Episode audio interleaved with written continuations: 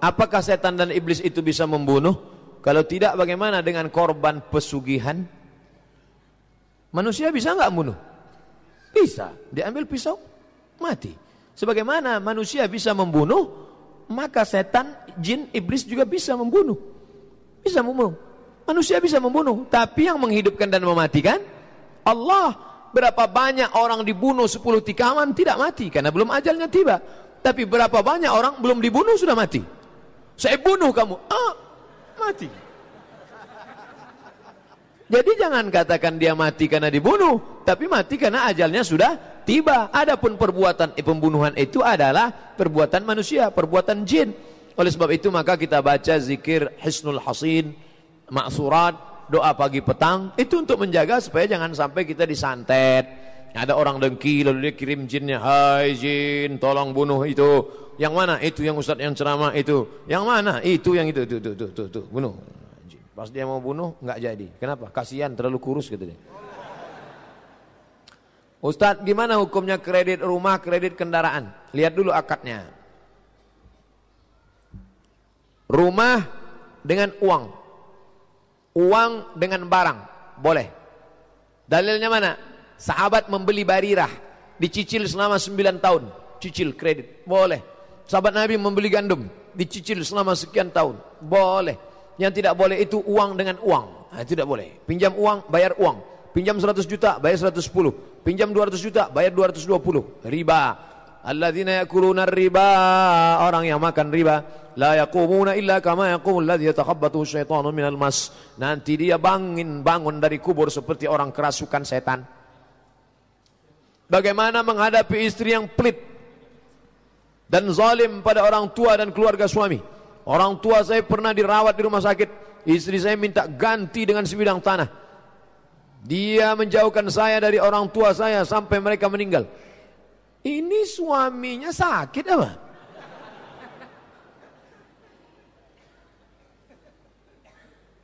Kelihatannya ini yang jadi kepala rumah tangga suami apa istri?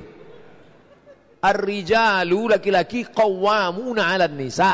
Dia yang meluruskan perempuan.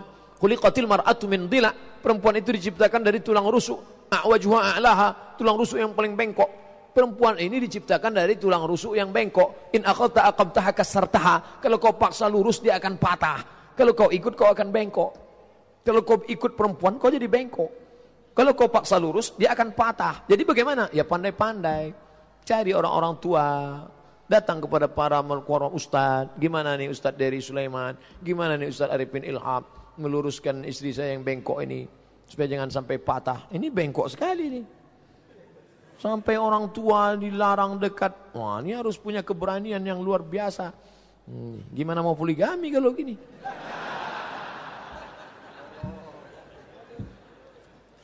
Hukum bersodakoh kepada yang tidak beribadah. Bersodakoh satu orang, bersodakoh dua orang, bersodakoh tiga orang. Eh, orang lain ngasih tahu. Ente tahu nggak tadi sodakoh sama siapa? Siapa? Itu orang kaya. Ente tahu tadi sodakoh sama siapa? Itu pelaku dosa. Ente sodakoh sama siapa? Itu WTS. Jadi gimana ini? Ternyata bersodakoh kepada orang kaya, mudah-mudahan orang kaya itu terbuka pintu hatinya.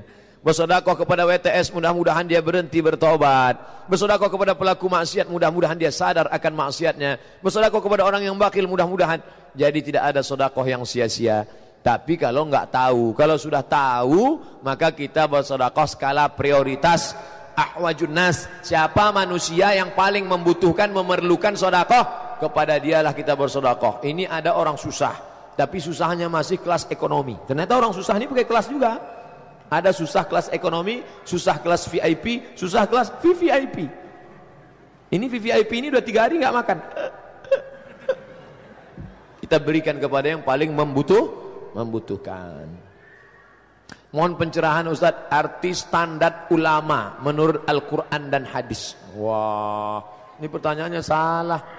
Nanya ke saya, saya aja nggak nggak memenuhi standar 200.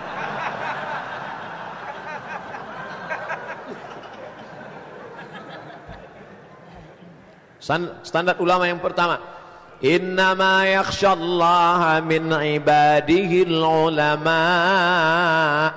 Takut kepada Allah. Ulama itu mesti takut kepada Allah, bukan takut kepada penguasa, bukan takut kepada harta, bukan takut kepada rakyat jelata, bukan takut kepada manusia.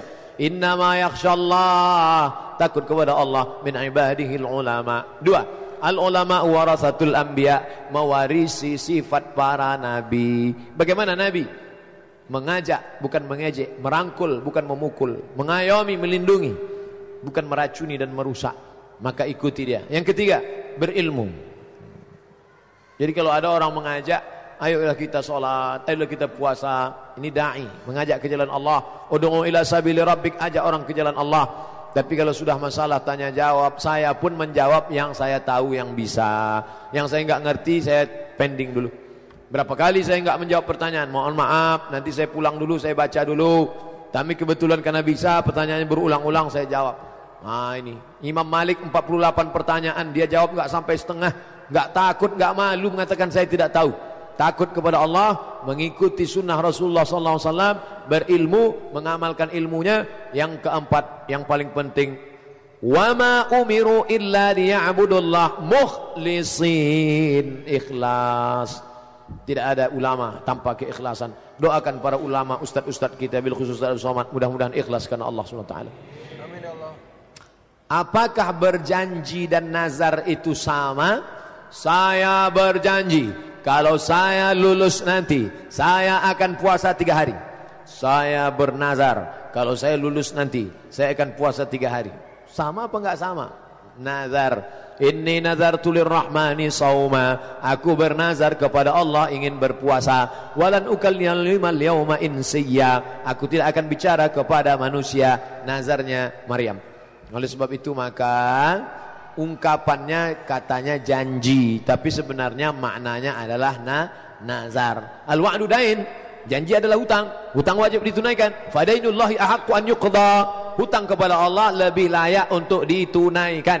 Maka jangan macam-macam dengan janji. Ya Allah saya berjanji Kalau berhasil nanti saya akan kurban tahun ini. Tapi kalau saya enggak berhasil sampai mati saya enggak akan kurban. Ini ngancam Allah Ya boleh Apakah ada amalan khusus untuk doa sepertiga malam Ustaz agar doa kita diijabah Allah? Alangkah baiknya doa itu dalam keadaan bersuci. Alangkah baiknya doa itu menghadap arah kiblat. Alangkah baiknya doa itu didahului solat sunat dua rakaat. Alangkah baiknya doa itu didahului puji-pujian.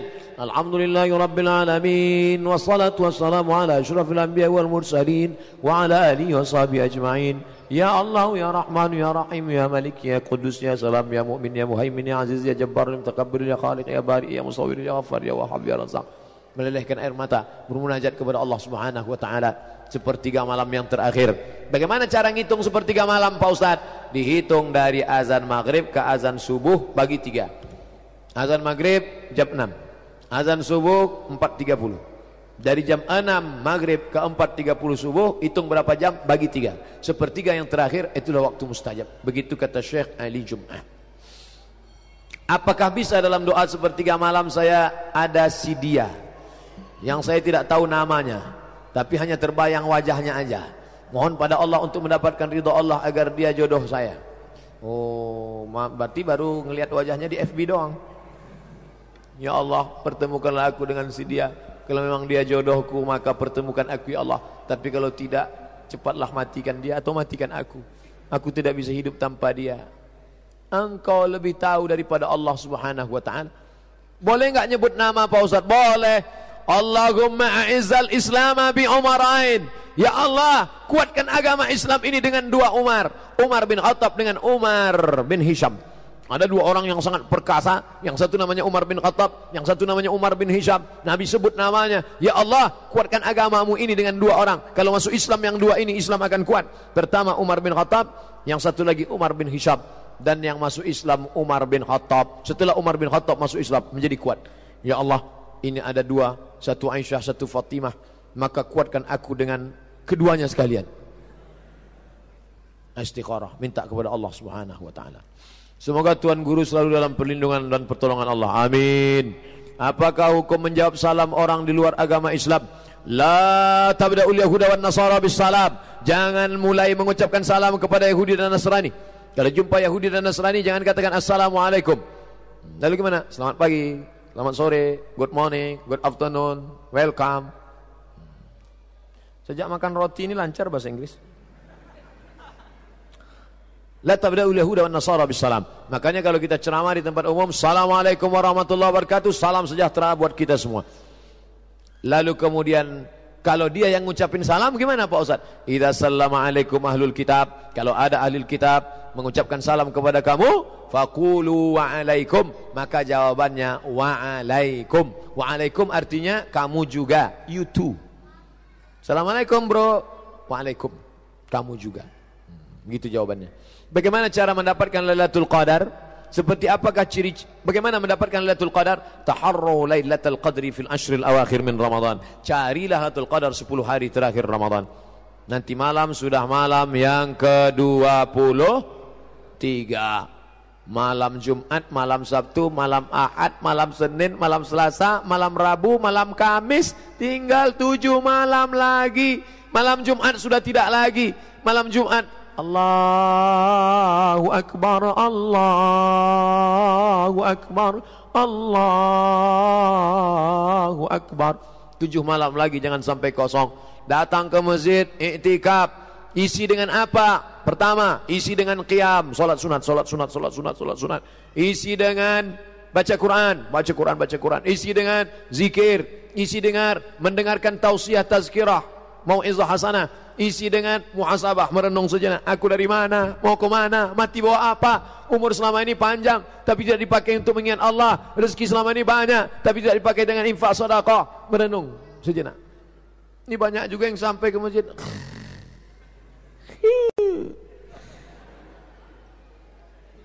Seperti apa ciri-ciri orang yang mendapatkannya? Ada perubahan. Bukan setelah dapat Lailatul Qadar jadi tukang ngomong-ngomong. Alhamdulillah saya kemarin dapat Lailatul Qadar. Gimana? Waktu saya sedang etikap di Azikro, begitu saya turun mau ambil wudhu, saya lihat semua pohon-pohon bambu rebah tumbang. Pas keran, enggak macet, membeku semua air. Memang matilah air malam itu. Bukan pada bentuk fisiknya, tapi ada perubahan. Alhamdulillah Ustaz, Tahun lalu ibu itu enggak pakai jilbab, tapi tahun ini setelah dia itikaf enggak lepas. Eh, mungkin dapat itu kalau itu bapak itu Ustaz orangnya pelit. Tapi sekarang setelah Lailatul Qadar, oh setiap lewat kota nyumbang. Berapa? 2000. Apa saja amalan untuk malam Lailatul Qadar? Qiyam, salat-salat sunat, zikir, baca Quran, muhasabah, dengar tazkirah, pokoknya dalam masjid, jangan sampai keluar masjid. Wudhu jangan sampai putus. Kalau batal Pak Ustaz, uduk lagi. Jangan nahan kentut sampai biru. Pak Ustaz, apa bisa kita semua ini disebut salaf? Mengingat kita mengikuti Imam Syafi'i yang meninggal tahun 204 termasuk salafus salih. Kita bukan salaf, kita pengikut salaf. Khairul qurun qarni sebaik-baik abad-abadku. Semua ladzina yalunahum satu abad sudah itu. Semua ladzina yalunahum satu abad sudah itu. Tiga abad pertama disebut dengan salaf. Empat, lima, enam sampai sekarang disebut dengan khalaf. Tiga abad pertama disebut dengan salaf. Empat berikutnya sampai disebut dengan khalaf. Sedangkan kita ini adalah pengikut salaf. Kalau ada orang sekarang ngaku, saya ini salaf. Salaf gatal ente. Minta doanya Pak Ustadz supaya bisa cepat dapat pekerjaan dan selalu istiqomah. Di akhir majelis kita doakan saudara kita yang ingin dapat pekerjaan, lulus kuliah, dapat pekerjaan segera, menikah, menjadi keluarga yang baik, menjadi orang yang istiqomah, mati dalam husnul khatimah.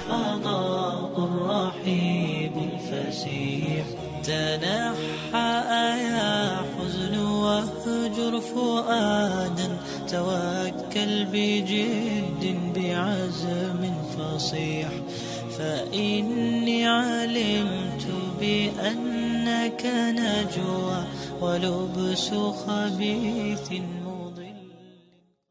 Kenapa memilih di Royal Mansion itu salah satunya adalah faktor keamanan. Di Royal Mansion ini eh, menggunakan sistem one gate system, bangunan risik yang baik, akses untuk jalannya juga bagus. Segera googling royalmansion.co.id